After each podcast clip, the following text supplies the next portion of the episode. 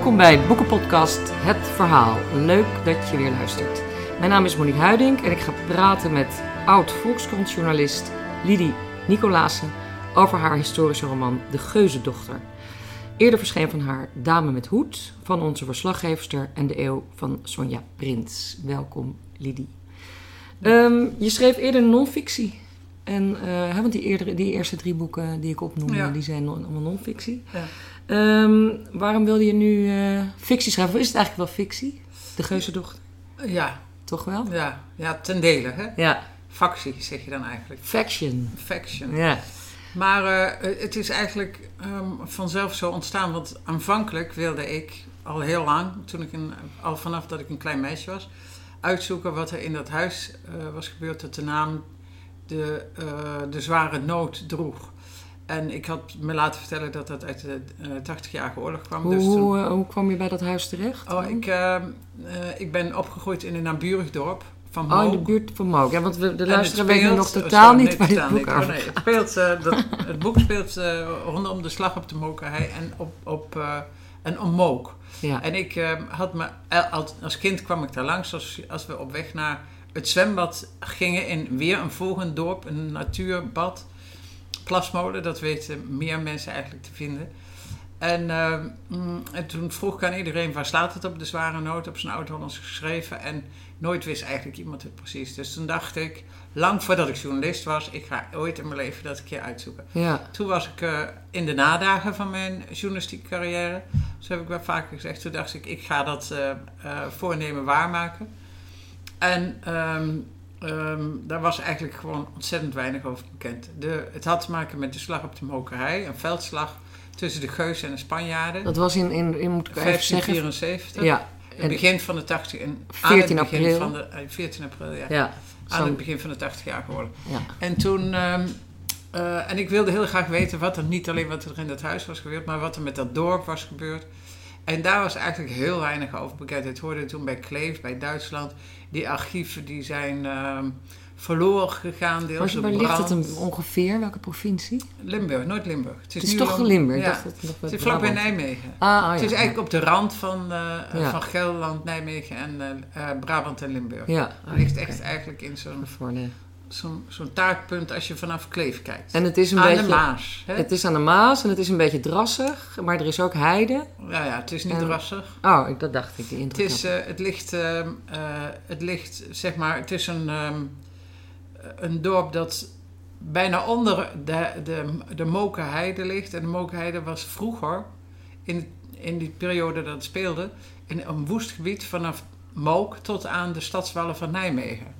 En langzamerhand is dat ingedikt. En, uh, toen waren er wel veel moerassen, maar die bestaan niet meer. Oh. En de Mokerheide zelf is nu een prachtig natuurgebied met een, wel met een hek eromheen en zo. En, uh, er zijn hele mooie wandelingen te maken, is de moeite waard om naartoe te gaan. Ja. En dat is er nog wat rover is van de Mokerheide eigenlijk. Ja, maar goed, jij was als, uh, als kind, woonde je daar in de buurt, zag je op dat pand de zware nood staan. Ja. En dat is dan geschreven met S-W-A-E-R-E, zware Nood. nood en dan met nog een DT, een DT nood. op het eind. Dus dat is echt oud, uh, Heel oud, oud, oud Nederlands. Ja. Um, en, en toen had je dat idee. Van, en toen dacht ik, uh, uh, toen langzamerhand ben ik toen zelf een dorp gaan creëren en gaan bedenken uh, wat daar in, in de zijlijn van die slag, die best redelijk gedocumenteerd was, is gebeurd. Ja. Omdat ik denk, in die periode waren die dorpen en die gehuchten uh, die mensen die er woonden ook vaak slachtoffer van die strijd die er voortdurend speelde. Omdat al die de legers hadden geen geld voor soldij. Dus ze moesten plunderend rond zien te komen. Ja, even situeren. Het is dus de tijd van de Spaanse bezetting. Uh, in die tijd, hè, koning Filip. Koning Filip, we noemen het eigenlijk niet bezetting. Hè? Maar wat er wel was, was er een, langzamerhand een opstand. Wat, het Nederland was niet één land, het waren nee. delen, waren stukken. Nou, dit had, behoorde al tot, uh, tot Kleef. En Kleef hoorde daar eigenlijk niet bij, hoorde bij het Duitse Rijk. Maar vooral, er was een opstand begonnen in, uh, in de noordelijke Nederlanden. Tegen en dat de waren een aantal staten. Tegen de, de Geuzen. Tegen de overheersing van de Spanjaarden, dat waren de Geuzen, ja. Ja, en die, waren, die werden aangevoerd door Willem Philip. Van En de. Geuzen door eh, Willem van Oranje. Ja, precies. Dus je had die twee partijen. Ja. En dat was dus het was Spanjaarden tegen Nederlanders, of een soort van Nederlanders. Nou, dus in beide Maar- legers vochten Duitsers vooral. Ja, Duitsers en Spanjaarden waren allemaal natuurlijk. huurlingen. Ja. Maar in ieder geval, dat, dat was het ene conflict. En het andere conflict was, het is, was ook nog katholieke protestanten tegen Nou, de dat katholieken. had, ja, dat, eh, dat eigenlijk het voornaamste, denk ik. Hè? Dat- Nou, weet je, sprak wat, eh, wat ook aan. heel erg... ehm, eh, wat eigenlijk ook belangrijk was, het is een, een opstand is nooit zomaar vanwege, eh, vanwege de godsdienst. Maar bijvoorbeeld de edelen die de kant van de opstandelingen kozen... die werden door, eh, door de koning, door die Philips, in een hemd gezet. En dat gold zeker voor Willem van Oranje... Eh, want die werd allerlei privileges ontnomen. Willem van Oranje was de eerste onder zijn gelijken. Die was gewend en die was ook opgevoed samen met die Philips. Die was gewend om ook wat in de melk te brokkelen te hebben. En die Philips wilde gewoon een centraal gezag over zijn hele rijk, waar, in, waar de zon opging en, en opkwam en onderging. Weet je? Die wilde helemaal niet dat die staten van Nederlanden zich met hem bemoeiden. Dus die, dus die edelen die voelden zich echt wel in, op een pik getrapt, zal ik maar zeggen. Dus die wilden wel, die sloten zich aan bij die opstand. Die opstand had ook wel te maken met de godsdienst, omdat Philips ook een Rooms Rijk wilde. En eh, nu net was eh, Luther en Calvijn waren natuurlijk een opkomst en die hadden volgelingen. Eh, dat was de ene kant. En wat er natuurlijk ook absoluut een rol speelde, dat iedereen moe was van die oorlogen. En er echt ook ehm, mensen hadden honger, armoede, geen werk. Weet je, dat eh, zijn allemaal ingredi- ingrediënten. En de, en de geestelijke, de katholieke geestelijke daarentegen, die, die baden in, in rijkdom. En die hadden weelderige paleizen, hielden zich helemaal niet aan, eh, aan om maar eens iets te noemen, het celibaat. Eh, en die, eh, die voeden zich met dure spijzen. Dus, nou ja, dat, en, en daar moesten gewone mensen belasting voor betalen. Ja, dus het is ook een periode van de pest, hè, denk ik. Ook. Ja. Die, waar die Ja. enorm veel slachtoffers Ja. maakten. Continu oorlog. Het was meestal zo dat het oorlogsseizoen begon dan ergens zo in maart. En dan eh, tegen november dan was het klaar, Ja. want dan was het koud Het was in koud, Noord-Europa. En dan begon het gewoon in maart weer, dan begonnen ze er weer aan. Dus mensen waren gewoon helemaal, eh, ja, je bent daar natuurlijk niet aan, maar continu bang dat ze hun spullen zouden kwijtraken. Want die legers die, eh, die kwamen gewoon door je dorpje en dan moest je je huis uit. Nou ja, en die waren bang voor, voor die vrouwen natuurlijk. Die Ja. werden- En ze mishandelden ook. Of als je niet, eh, als je niet gehoorzaamde aan wat zij, aan wat die soldaten ze waren, niet echt heel fijngevoelig. Hè? Nee. Dus er werd um, om het niks je kop afgehakt, bij wijze van spreken. Of je arm. Of je arm. Of Ja. En je, eh, je vrouw werd meegenomen en verkracht. Ja, En je precies. dochter ook. is niet zoveel veranderd, hè? En ze aten al je koeien op. Ja, als je die had, hè? Ja, als je die nog had van de vorige oorlog die je overleefd had. Eh, maar goed, met dat in gedachten, met dat wereldbeeld denk ik, ben jij begonnen te bedenken... hoe kan ik dit verhaal van die zware nood, hoe Nou, bouw ik daaromheen? Ik, ik, dat wereldbeeld is ook ontstaan, hè? Ik heb met natuurlijk gewoon... Je hebt eh, ook research, Ja, ja. enorm. Ja, want er staat ook een enorme lijst achterin Ja, van eh, dat geraadpleegde- boeken. En dat is nog maar de helft. Want Wat, ik heb, wat heb je allemaal gedaan? Want dat vind ik wel leuk om te weten. ja, nou, ik heb eh, wel veel boeken gelezen, maar bijvoorbeeld ook veel musea bezocht met eh, werktuigen uit de 16e eeuw. Want ehm, eh, je moet je voorstellen, je weet eigenlijk niks. Want ik ging over een school schrijven, een lagere school. En dan denk je ineens, een school, een school. Hoe ziet een school eruit? Was er wel een school? Weet je, dan Hadden moet ze daar... tafeltjes en eh, stoeltjes of banken Nee, ze of zaten op de borden? grond. En de meeste zaten dan op zo'n eh, op zo'n verhoog, zal ik maar zeggen. Ah ja.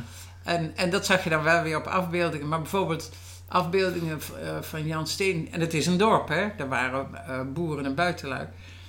Ehm, en die tekenden wel die, die, de boeren, of schilderden wel de boeren, maar heel boertig en altijd heel lomp en zo. Dus je moet ook nog oppassen dat je niet al die mensen daarmee vereenzelvigt. Want het was niet alleen maar boertig natuurlijk. Hè. Die mensen hadden, nou ja, je moet ook oppassen dat je niet ehm, op onze manier over godsdienst doet.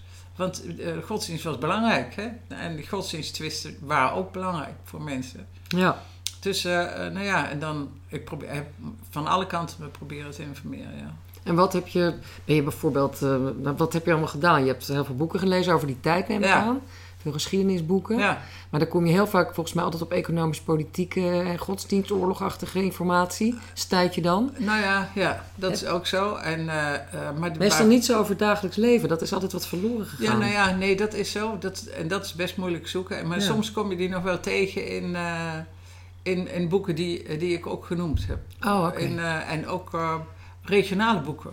Weet je, die over, niet over dit gebied is geschreven. Dat niet, over- maar bijvoorbeeld in de... Niet alles is verloren gegaan in die regio. Nee, je hoeft ook niet per se alleen maar op. Nee, nee, gewoon dat een beetje nee. eromheen eh, kan ook het, het verschilt natuurlijk helemaal niet veel. Hè? Want al die dorpen leken op elkaar. Ja, Nou ja, zo. Je Ja. bent echt, en het is, weet je, ik had er nog wel mee bezig kunnen zijn. Maar het is ook gewoon heel leuk. Je ontzettend stuit leuk. steeds weer op dingetjes. Die research is geweldig. Ja. En, eh, Het zijn ook vaak hele leuke vondsten. hè? ja, je, oh. Want ik wil je straks ook vragen een stukje voor te lezen over eh, hoe dan die, zo'n leger, hoe, die, hoe die, dat Spaanse leger er dan uitzag. Ja, ja, ja. Daar was ik erg van onder de indruk hoe je dat beschreef. Maar dat komt zo. Ehm afijn, dus jij, had, eh, jij wilde het sowieso iets over die slag op de Moken. Dat is een van de grootste veldslagen die in Nederland eh, Ja. Ja. eh, hebben. Ik denk misschien wel de grootste veldslag Ja, ja, denk het ook wel, ja. die ooit in Nederland heeft Die- plaatsgevonden. ja, precies. Met heel veel doden. Ja, En- ja, een paar duizend. Hè. Nou, er is een slag geweest bij Heilige Leen, een slag in het noorden. Maar dit is ook zo gruwelijk dramatisch. En toen hoorde natuurlijk nu ook nog wel ehm, Vlaanderen bij Nederland. Hè. Maar als we het over, de noordelijke over het huidige Nederland hebben, dan is dit wel Ja. ja. Ja. En ehm, je kwam ook uit die buurt, dus je had, Ja. dat, eh, had die inspiratie. En, eh, maar je had dus niks eigenlijk verder. Ja, die slag, hè? Ja, die slag natuurlijk. Ja, Maar verder geen... Je moest dat helemaal gaan opbouwen. Ja, Maar die kistentrui, dat is jouw hoofdpersoon. Die heet Geertruida. nee, En nee, die- nee, sorry. De Oh. kistentrui bestaat. Het bestaat niet. De kistentrui is een legende. Maar die bestaat als legende wel. Als legende bestaat ze. Ah. En dan heet ze kistentrui. En het is, het is een verhaal van een vrouw. Dat is de ik-figuur, dat is de verteller Dat is, heb, daar Ja. heb ik de verteller van gemaakt, ja. Ja. En die, eh, eh, eh, die wordt daar ook hoog gehouden. Dat is een vrouw die er leven lang gezocht heeft naar de legerkist. Waar dan ehm, heel veel, het geld moet, zou moeten zitten waar de soldij van betaald had moeten worden. Ja, die zou, Die begraven, die zou ergens zou begraven ergens zijn. begraven zijn. Onder drie dode Ja. berken. En, en, eh, ehm, en het was toch een beetje een malotig vrouwtje geworden in de loop van de geschiedenis. En ze bestrijden dat in Mook, want in Mook is kistentrui, hebben ze een beeldje. En Oh, dat er, wel. wordt ook, eh, eh, er is ook een commerciële activiteit rondom. Want je kan, geloof ik, kistentrui ehm munten sparen. En je krijgt, als je daar op de Mookhei loopt, kun je ook met een kistje de hei op om de... Nou ja, in ieder geval, ze hebben de hele... Ze timmeren enorm aan de weg eh, Ja. eh, daarmee. Dat is echt iets van de laatste jaren. Eigenlijk wist ik dat helemaal niet zo goed. Maar in ieder geval, die kisttrui spreekt kennelijk toch enorm tot de verbeelding. En ik vond dat ze te veel als een, eh, als een suffe kip eh, eh, werd behandeld. Wat ik, nou Als ja, een gewoon raar vrouwtje dat de als hele een, dag een beetje een raar vrouwtje. Met een schep, Met een om- schap, om, of- om de- ja, ja, om die kist er- uit te Ja, graven ja, die ze niet ja. kon vinden. Maar wat, wist je, wat was er verder bekend over deze figuur dan? Niet veel, nee, nee, nee. Alles wat, je, wat er van bekend is, dat is eigenlijk een herhaling voor zetten. En dat past hooguit op een A4'tje. Oh, ja, Het is ja. een beetje waar ze vandaan kwam, eh, uit, die, uit waar ik ter schets waar ze vandaan kwam. Ehm, ehm, ja, dat, dat was het. En dat ze stuitte op een kist en dat ze. ehm, Vond ze hem in het echt wel? nee, nee, nee, nee. Ook niet? Nee, nee, nee. Nee, oké. En wat er van geworden is, weet ik ook niet. Hm. Eh, maar wat er wel, wat die kerk speelde daar een rol. En die kerk heeft natuurlijk, denk ik dan stiekem, heus wel een beetje een maloot van gemaakt. Eh, en ehm, Maar ja, je had dus wel eigenlijk Die een figuur, fijne figuur fijne die je figuur. kon gaan invullen. Ja, ja, ja. Ja En dat is absoluut. En dat heb je ook helemaal gedaan, want ze heeft compleet gestalte gekregen in deze roman. En, eh, en dat heeft best nog wel veel voet in aarde gehad. Want in het begin eh, ehm, was dat niet zo. Was ik veel meer, eh, vertelde ik het verhaal veel meer vanuit verschillende perspectieven. En ehm, nu was er iemand bij de uitgever, was bij de uitgever uit Balans. En die zei heel tijd, maar je moet die kisten trui worden. Je moet zelf die kisten van, van haar... En ik begin- dacht, joh, wat moet je mee? Dat doe ik helemaal niet. Zo. Maar het grappige is echt waar, dat is me echt overkomen... dat ik toen ik, toen ik daarover begon na te denken... toen ik dat verzet opgaf... En toen ineens kwam ook die eerste zin die ik als eerste zin heb eh, gebruikt. Ik heb de kist gevonden, ik kan het nou wel zeggen. Ja, het begint meteen met de vondst. Ja. Dat was ook een hele grote dat ik toen ineens eh, dacht... eh, Toen oh ging ja, het. Zo moet het. En ik had haar- ineens haar stem en haar persoon. En, eh, en toen ging, het verhaal zich eigenlijk vanzelf. Oh ja. Want Hoe je- belangrijk is dat, dat je zo'n zo'n eh, zo'n eh, Ja. zo'n perspectief hebt? Ja, ontzettend belangrijk, zeker. Want het mooie vind ik dat... Want dan is ze natuurlijk een beetje, lijkt ze een beetje op jou. Dat, ja, dat Dat moet wel. moet wel. Ja. Maar want ze is eigenlijk ook een soort journalist.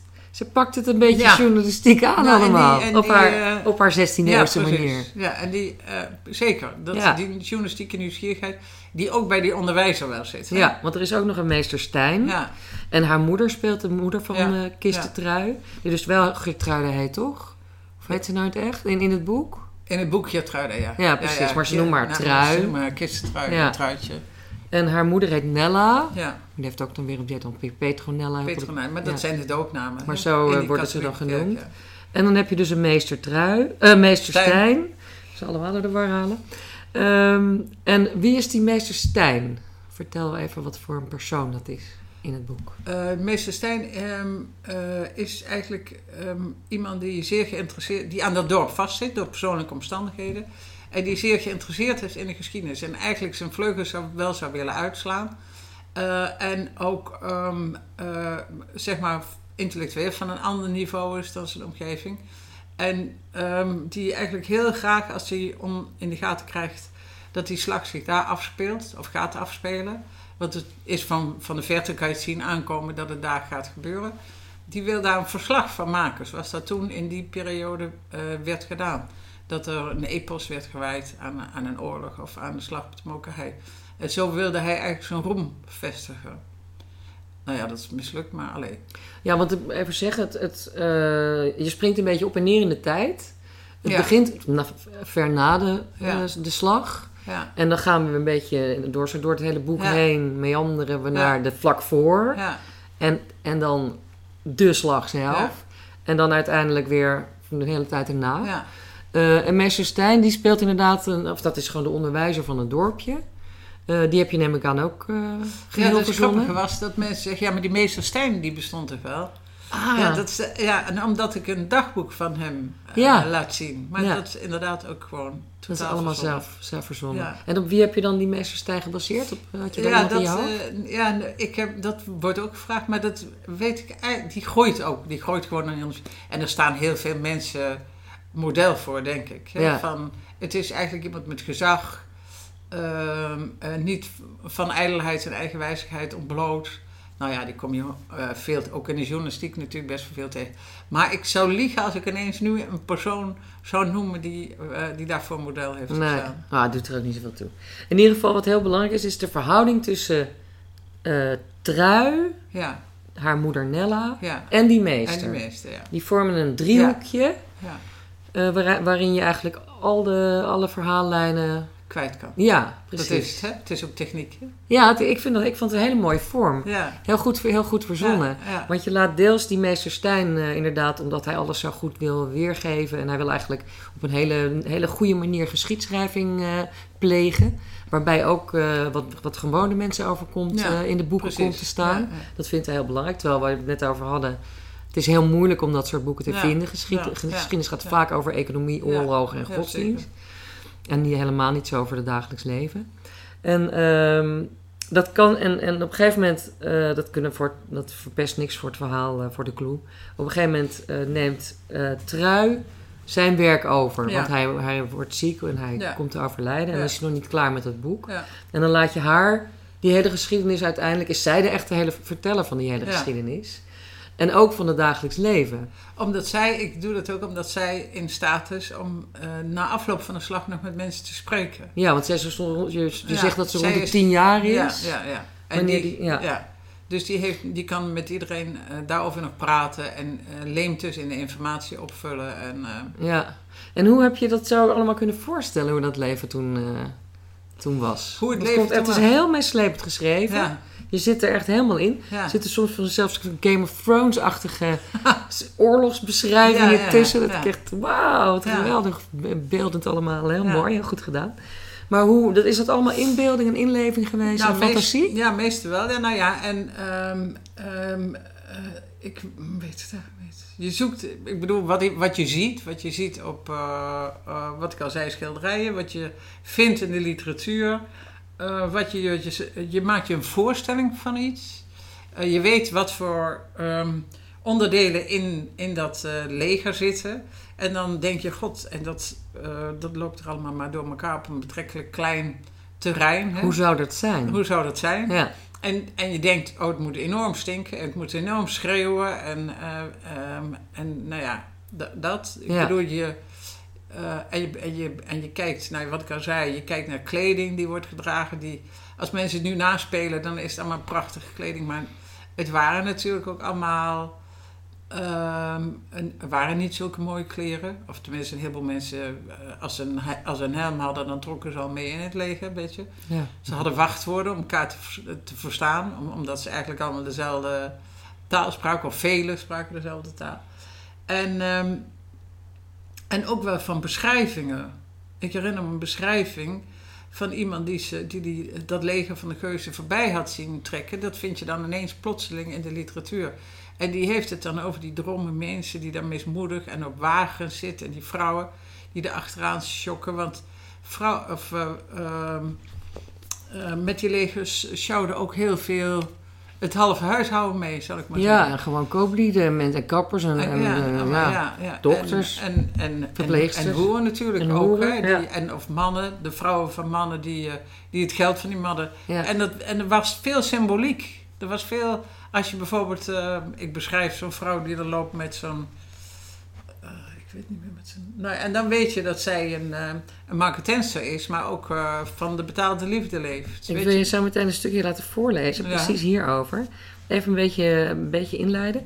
Dit is als de, dat, dat dorpje Mook, dat zit tussen de Geuzen en de Spanjaarden eigenlijk in, geklemd. En die twee legers die komen steeds dichterbij. En nou, ja, ze zijn natuurlijk hartstikke bang eh, wat er hun te gebeuren staat. En meester Stijn heeft al voorspeld waar de slag zich zal voltrekken. En op een gegeven moment zijn die Spanjaarden echt heel dichtbij. Die hebben een soort brug gemaakt. Of een soort van vlonderachtige brug over de Maas. En die trekken dan naar binnen. En, en dan gaan al die dorpelingen die gaan kijken. En dat heb je echt fantastisch beschreven. Maar ik vraag of je dat even wil voorlezen. Eh, dat begint bij bevelhebber Sancho eh Davila. Ging met zijn getrouwen voorop. En tot hier.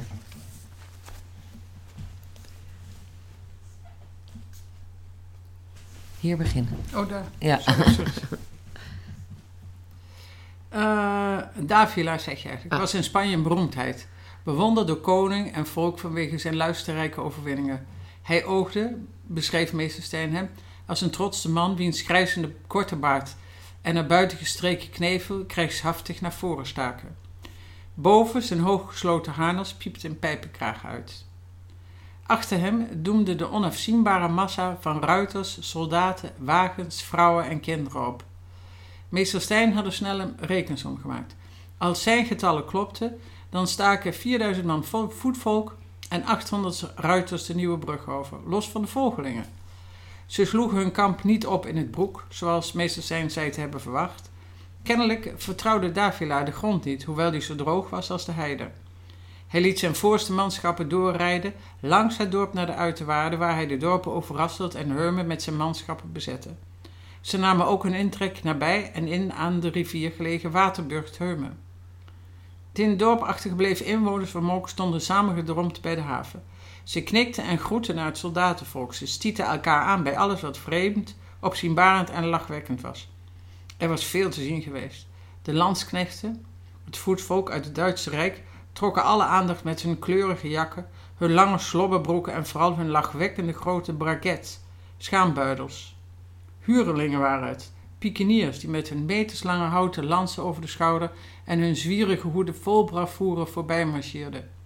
De mensen vergaapten zich aan de blauwe en groene rokken van de soldaten, nieuwe, maar ook volwassen en verschoten rokken. Bij een enkeling hingen de ravers er zelfs bij. Haakbusschutters passeerden, soldaten die zij en zij optrokken met hun vrouwen, die de geldbuidel opzichtig bungelend tussen de plooien van hun rokken bij zich droegen. Er waren ook groepen van alleen maar vrouwen, schokkend achter de huifkarren met proviand. Hun kinderen hingen in zakken op hun rug of ze sleepten ze mee aan de hand. Het was een vreemde en gekke stoet, gelijkend op optochten van de zottenfeesten. De dorpelingen reageerden naar Fernand. Ze begonnen vrolijk te roepen, te juichen en zelfs in hun handen te klappen op de maat van de trommels. De soldaten lachten en zwaaiden als overwinnaars, blij met deze onverwacht vrolijke en hartelijke ontvangst.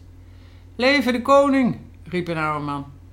Een paar jongens gooiden hun pet in de lucht en maakten een ronde dansje op de doffe dreunen van trommelaars en het geschetter van trompetters. het duurde niet lang. Of iedereen stond te joelen en te dansen. Ja, fantastische scène. En ook zo gek, hè? Ja, Want je zou zeggen, die mensen... Ik denk, ik, ik kan me echt voorstellen dat het zo ging. ja ik ook. Dat ze staan te kijken en denken... Goh, die zien er raar uit, die Ja. Spanjaarden. Of hè, misschien in ieder geval die edellieden... die zagen er waarschijnlijk wel heel mooi uit. Ja, En dat ze dan gaan juichen. ja. Terwijl ze weer na een dag... Ja. worden ze allemaal vermoord. Nou ja, maar zij, die dorpelingen, die, eh, eh, het maakte ze eigenlijk niet uit wie dat... Nee, ook dat, Ze waren net zo bang voor die Spanjaarden als voor de geuzen. Hè? Ja, Ze, ze wilden ze allebei niet. want wat ik ook heel... eh, heel dat heb je ook eh, heel mooi eh, en overtuigend beschreven inderdaad. Is dat... nou, nu, nu is het ook zo dat het dorp Mook ook katholiek was. Ja, In jouw beschrijving. Ja. Ik denk dat dat in Limburg ook wel... in de, het hoorde bij, het was katholiek, maar het hoorde bij, eh, ehm, bij het ehm, hertogdom Kleef. En, ehm, en de hertog was katholiek.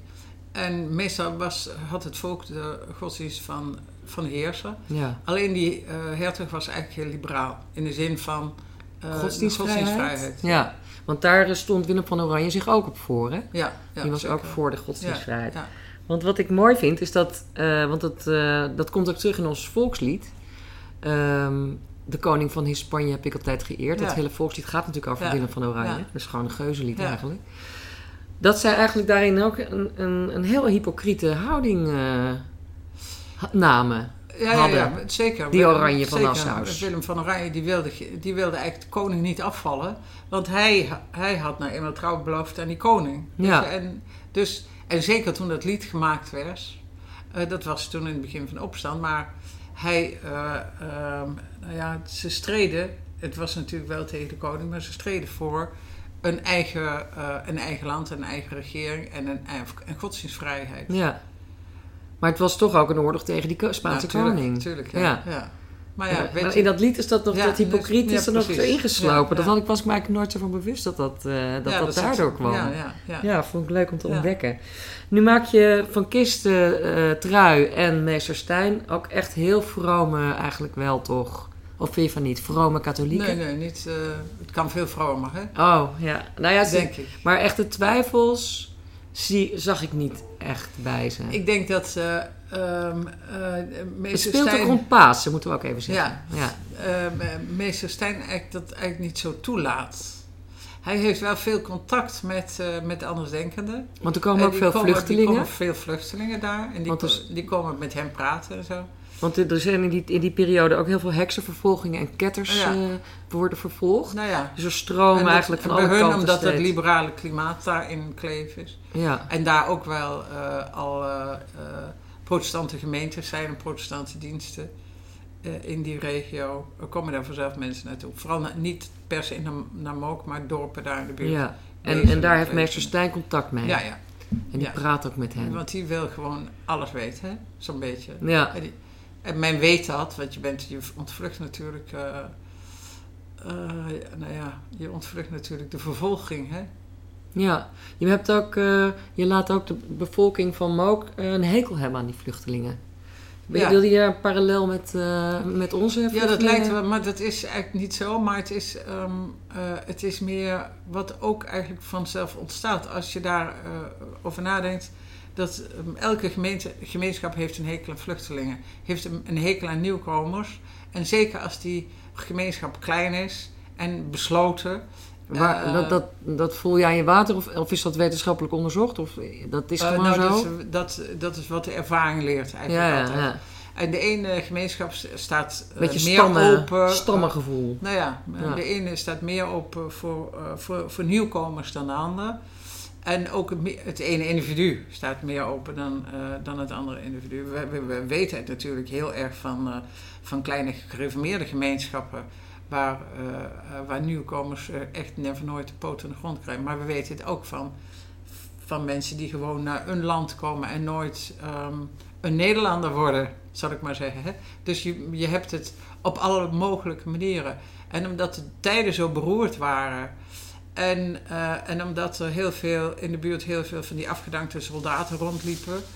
eh, van, eh, van het leger van de koning, die ook plunderden. Ik bedoel, het waren ook geen gemakkelijke tijden voor de dorpelingen ook niet. Nee. Dus die wilden er eigenlijk gewoon niks. Die wilden gewoon... Zo, mensen zijn conservatief, hè. Ze moeten... Ze, ze waren gewoon bang voor- zich op zichzelf. Voor hun eigen hachje Ja, natuurlijk. Ja. Bang dat hun werk werd Ja. afgepakt. Nou, in of, die zin is er gewoon niks veranderd Nee. natuurlijk. Nee, het lijkt wel of dat een universeel iets is. Ja. Van alle tijden en Ja. van alle mensen ook, eh, Ja. inderdaad. Maar wilde hij dat er expres eh, inbrengen of, of vond je het gewoon... Je nee, nee, het- het, weet je, het ontstond eigenlijk omdat, ehm, omdat op enig moment het dorp zelf op de vlucht sloeg. En, met, en toen ik ineens eh, dacht aan de moderne vluchtelingenstromen, en daarin was het verschil eigenlijk niet zo groot. Dan zie je ook eh, eh, mensen achter elkaar trekken met hun huisraad. Nou ja, wat we. Maar jij projecteert dat natuurlijk in het verleden, wat Ja. je nu ziet. Ja, Maar het is ook, ja, hoe hadden ze dat? Ze hadden natuurlijk misschien aan een koe of een hond en een kar. ja, en een kar en een kruiwagen Ja. en verder ook niet zoveel. Maar, Nee. eh, en, maar ze gingen natuurlijk wel weg, want eh, het, het gevaar dat ze het niet zouden overleven Nee, is enorm. En dat op, op dit moment is, is, is er angst voor drones en bommen en whatever. Dat is een hele andere angst. Maar die angst is de angst voor het bestaan. De angst Ja. voor het onveilige en het onbekende. en dat je, dat je bezit wordt vernietigd. Ja. Of en dat je zelf wordt Of vermoord. zelf wordt vernietigd. Of dat je de, eh, de bescherm... Je bent onbeschermd. Ja, En kwetsbaar. En je denkt, ik kan het beste onder de grond gaan zitten of weglopen. ja. Dat. Want op een gegeven moment dan eh, zijn we al verderop in het boek. eh, de spanning wordt heel mooi opgebouwd. Dan begint die slag. En dat is, maar, is eigenlijk maar een middag, hè? Of zoiets. Een paar uur. Een paar uurtjes. Ja. Op 14 april 1574. En dan eh, heb je echt ontzettend veel, eh, heel... Ik vond het inderdaad een beetje, wat ik al zei, Game of Thrones-achtige Ja, ja. geweld. En en een enorme, enorme veldslag inderdaad. En hoe, maar, want daar heb je dan misschien wel echt veel militaire informatie over kunnen vinden. Van hoe dat dan strategisch ging. Dat is een... eh, Of heb je daar ook een deel voor, van? Nou, soms wel, ja. ja. Want ik heb, ik, ik doe die, die dans van de pikeniers bijvoorbeeld, hè. Dat zijn heb- gewoon mensen met speren? Ja, met die hele lange, hè. Ja. En dat heb ik gedacht dat dat zo eruit moest zien.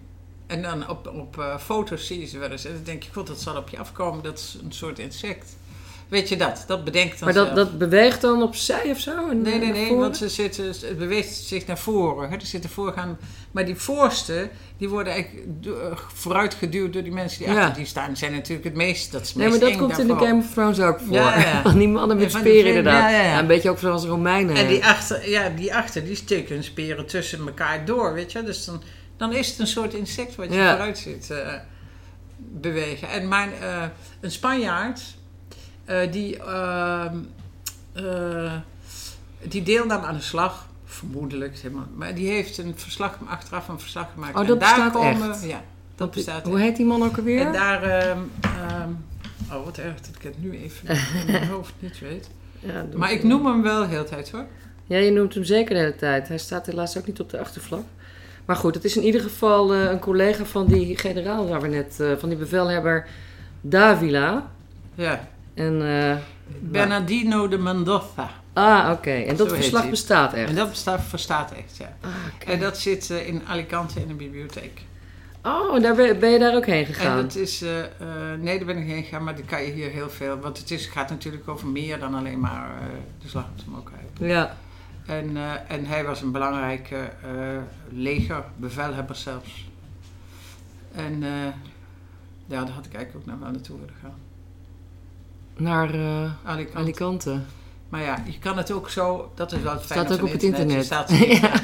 je, ziet, je ziet het gewoon, je kan de afbeeldingen zien. En, eh, Ja. en er is, eh, het is ook wel vertaald, het is in het Nederlands vertaald. Oh, mooi. Dus je kon er sowieso. eh En het grappige is, dat moet ik eigenlijk nog vertellen, dat hij, eh, dat hij wat ik zeg, eh, dat er van die slag, eh, dat er van de geuzen niks over is gebleven. En eh, die- hij maakt eh, gewag eh, van, van iets dat er, eh, dat er toegegeven is aan de landvoogd, wat zij buitengemaakt hebben. En nog maar sinds kort, het boek was klaar, eh, al uit bedoel ik. Toen had het Nationaal Historisch Museum ehm, beslag weten te leggen. En plus, of navraag gedaan.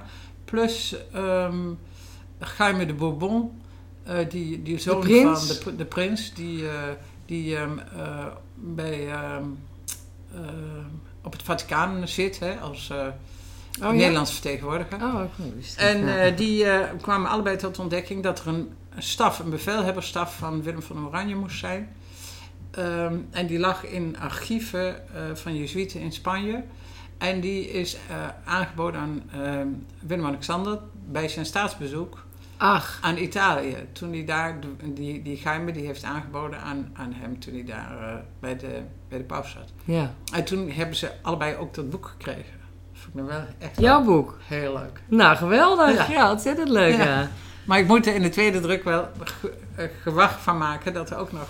Want dat zou dan als enige zijn overgebleven van, die, van, Ja. van deze slag? Ja, en, Oh. eh, en dat is.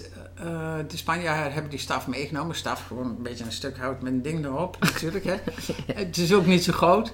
Maar dat, dat wordt ook tentoongesteld in dat Nationaal Historisch Museum in, in Soes. Ah, oké. Ja, leuk. Nee, want jij beschrijft, en dat is waarschijnlijk in het echt ook zo gebeurd, dat het een- was een totale overwinning van de Spanjaarden.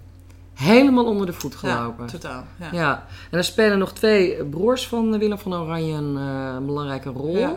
Zijn jongste broers. Ja. En die hebben natuurlijk, dat zijn gewoon echt historische figuren Ja, uiteraard. zeker. zeker. Die heb je ook op een hele ingenieuze manier aan, aan Trui, eh, de vertelster, Ja. weten te breien. Dat is nou heel stom dat ik nou breien zeg. Maar goed, eh, je hebt er daaraan gekoppeld. en, ehm, en die twee zijn omgekomen en nooit meer gevonden. Ja. Dat is ook, want ik heb dat een beetje zitten zoeken op internet ook. Maar dat is inderdaad ook werkelijk waar, hè? Ja. Hun lijken zijn eh, niet... eh, En dat zijn, we gingen wel verhalen overheen, want Lodewijk was natuurlijk eigenlijk het belangrijkste. ja, we hadden ook een Lodewijk en Hendrik. Lodewijk en de twee jongste En. Lodewijk eh, en Hendrik was een stuk jonger. En Lodewijk was ook een belangrijk adviseur voor Willem van eh, Oranje. Oh ja. En hij speelde eerder een rol bij die opstand van de edelen. en was een goed bevelhebber. Onstuimige, geloof ik, werd gezegd. Maar, eh, en van hem gaat wel het verhaal dat hij gestript is door die boeren. Eh, dat hij uiteindelijk hem, eh, maar zeker weten, doet niemand het. Nee. Want er is gewoon echt niks gevonden. En ik heb ook daarover wel flink nagedacht. En weet je, ze werden natuurlijk van alles ontdaan wat ze hadden. En aan, de buiten, aan een bloot vel zie je echt gewoon niet of het een edele was of... Ja, ze waren misschien ook heel erg zwaar gewond. Ja, en in het gezicht misschien ja, ook. Verminkt. En, er Hoofd zijn, en wat ook wel een beetje gek is, dat er eigenlijk ook niet zoveel eh resten van lijken zijn gevonden. Ook niet in, op die plaats waar de moerassen zijn geweest. Ja, want Want meer nog moerassen- even naar de zware nood. Oh ja, sorry ja. Want Ja. daar ging het eigenlijk, daar begon je fascinatie mee. Waarom stond het op dat huis en wat, wat was die zware, zware nood? Die zware nood was, eh, zo werd dat gebied aangeduid, daar waren moerassen. En heel veel van, eh, van de geuzen zijn, en ook gewoon volk, zijn in die moerassen omgekomen. Daarin, nou ja, uitgeput, verdronken, want hoe diep moet een moeras zijn, wil je er echt in omkomen. Maar dat is allemaal toch gebeurd. Mensen hebben daar gezien dat die, dat, eh, dat die, eh, dat die, ehm, dat de geuzen daar tot hun lenden en verder nog in het drijfstand staken en daar gewoon er maar nooit uitkwamen of gehouden werden in ieder geval. Je zou verwachten dat daar in die buurt echt wel veel skeletten gevonden zouden moeten zijn. Ja, En zeker in moerasgebied. dat blijft het ook nog wel goed, toch? Ja, Ja. dat zou je denken, maar Ja. dat is niet zo. En, eh, en die moerassen zijn ook langzamerhand verdwenen. Misschien wel door verdroging, maar zeker ook door cultivering. Want op, daar zijn wegen gekomen. En ik denk dat er misschien, eh, ehm, doorgaande wegen, ik denk dat er misschien in een belangrijke periode echt daar helemaal niet zo erg op gelet werd. Nee. Of daar nog wat lag. Of zou die... Nee, ik dacht wel dat moerasgebied dat juist goed conserveert. Ja, dat dacht ik ook. Maar Ja. ja. En tegelijk- daar is het allemaal een stuk droger geworden. Tegelijkertijd is, eh wat ik heb die Hendricks dan bij, dat, die, bij de zware nood ehm, begraven, zal ik maar zeggen. Hendrik van Oranje. Ja. Daar is inderdaad een lijk gevonden. Eén lijk. Eentje, ja. Vandaar dat ik eh, hem daar heb neergelegd. Ja. Waarom niet? Ja, maar niet. Niemand weet Ja. het toch? Niemand kan het bewijzen. Niemand kan bewijzen. Maar uiteindelijk is dat dus een soort van massamoord geweest. Toch? Oorlog? Het is gewoon oorlog. Gewoon, ja, maar je Ja. beschrijft ook dat er gewoon normale burgers en boeren en zo, die Ja, verdwijnen die er ook. volgelingen, die weet je, dat ging daar mee. En Ja. dan, eh, eh, Alsof ze een soort in, de, in, dat, in die zee in de, ja, ja. gedreven en Ja, daar eh, ja. verslonden werden die de- cijfers, die cijfers die daarover genoemd werden, die komen ook best uit van verschillende bronnen. Hè? Oh, maar dat klopt ook wel. Ja, Dat Andere cijfers genoemd. zijn er niet. Ze Ja. worden zo genoemd. Ik bedenk, dat bedenk ik niet zelf. Om hoeveel mensen ging dat dan volgens de bronnen? Ja, ik heb het wel precies opgeschreven. Iets van 5000, 8000. Ja, heel echt veel. Ja. Ja. Veel meer dan je zou verwachten. In een moeras. Ja. En ook nog met en niet dieren. alleen, eh, niet alleen in het moeras, hè, maar eh, ook op het slagveld. In Ja. totaal. Hè, in totaal. Van de geuzen, want van de Spanjaarden zijn er eigenlijk helemaal niet zoveel omgekomen. Dat kan toch bijna niet eigenlijk, Nee. zou je zeggen. Ja. Wat hebben ze nou verkeerd gedaan, die geuzen? Nou, ze waren aan de winnende hand. En toen is de, eh, toen is de klad erin gekomen. En die Lodewijk, die is eigenlijk al toen ze de aanval openden op enig moment. Nou, ze waren sowieso, ze waren met meer. Hè? De geuzen waren met meer. Maar waren, eh, was, waren totaal ongedisciplineerd. Het was geen goed leger. Ja, was Echt, echt ze waren al een bereid om te gaan muiten. Ja. Nog voordat ze wat hadden gevochten. En die dat Spaanse leger, die hadden echt heel veel meer ervaring. En, eh, ehm, eh, en die Lodewijk die is dan tamelijk snel bij een tegenaanval uit zadel geschoten. En toen is die, ehm, die ruiterij, die is uit elkaar gedreven. Dus dan kreeg je een kop en een staart. En de ene liep de ene kant op en de andere de andere kant op. Maar bovendien werden toen ook al oorlogen vaak niet meer door de ruiterij gewonnen, maar door de pikeniers. Die, eh, die soldaten die eh, met hun hele lange eh, ruiter en, en, en paard opvingen. Alles en daarin Ja. waren die Spanjaarden ook veel beter. Ah, oké. Ja, en daar ging het mis. En daar ging het mis. Ja. Ehm, Heb ik mama laten vertellen. Hè? Ik ben natuurlijk helemaal geen. Eh, maar er zijn ook boeken over, hè? Ja. over dit soort. eh, eh, over deze oorlog. militair, en het is ook een soort van ja, militaire tactiek. En, Ja, eh, er is één boek wat, wat in dit opzicht. eh, wat, wat ik echt. eh, als iemand daar heel veel belangstelling voor heeft. Wat, wat ik ook gewoon heel leuk vond om te lezen. die, die En dat heet. eh, ja, eh, ik kijk achterin. bij de opzomming oh, dat ik het, eh, dat gewoon echt. Oorlog a- arme schapen. Van Ronald de Graaf. Een andere kijk op de 80-jarige oorlog. Oh ja. En die eh, behandelt ook eh, militaire Ja. aspecten en economische en sociale. Oh, leuk ja. Ja. Wel interessant ja, hè? ja, het is toch een soort van teletijdmachine. Ja, eh, ja. ja, ik moest af en toe ook wel aan en Wiske denken. Ja, precies, professor Barabas. Ja. Ehm, mijn laatste vraag. Wat kunnen we nou eh, leren van deze geschiedenis van de slag op de Mokerheide? Ik weet niet. Ik zou het niet weten. Wil jij er iets van leren? Nou, misschien.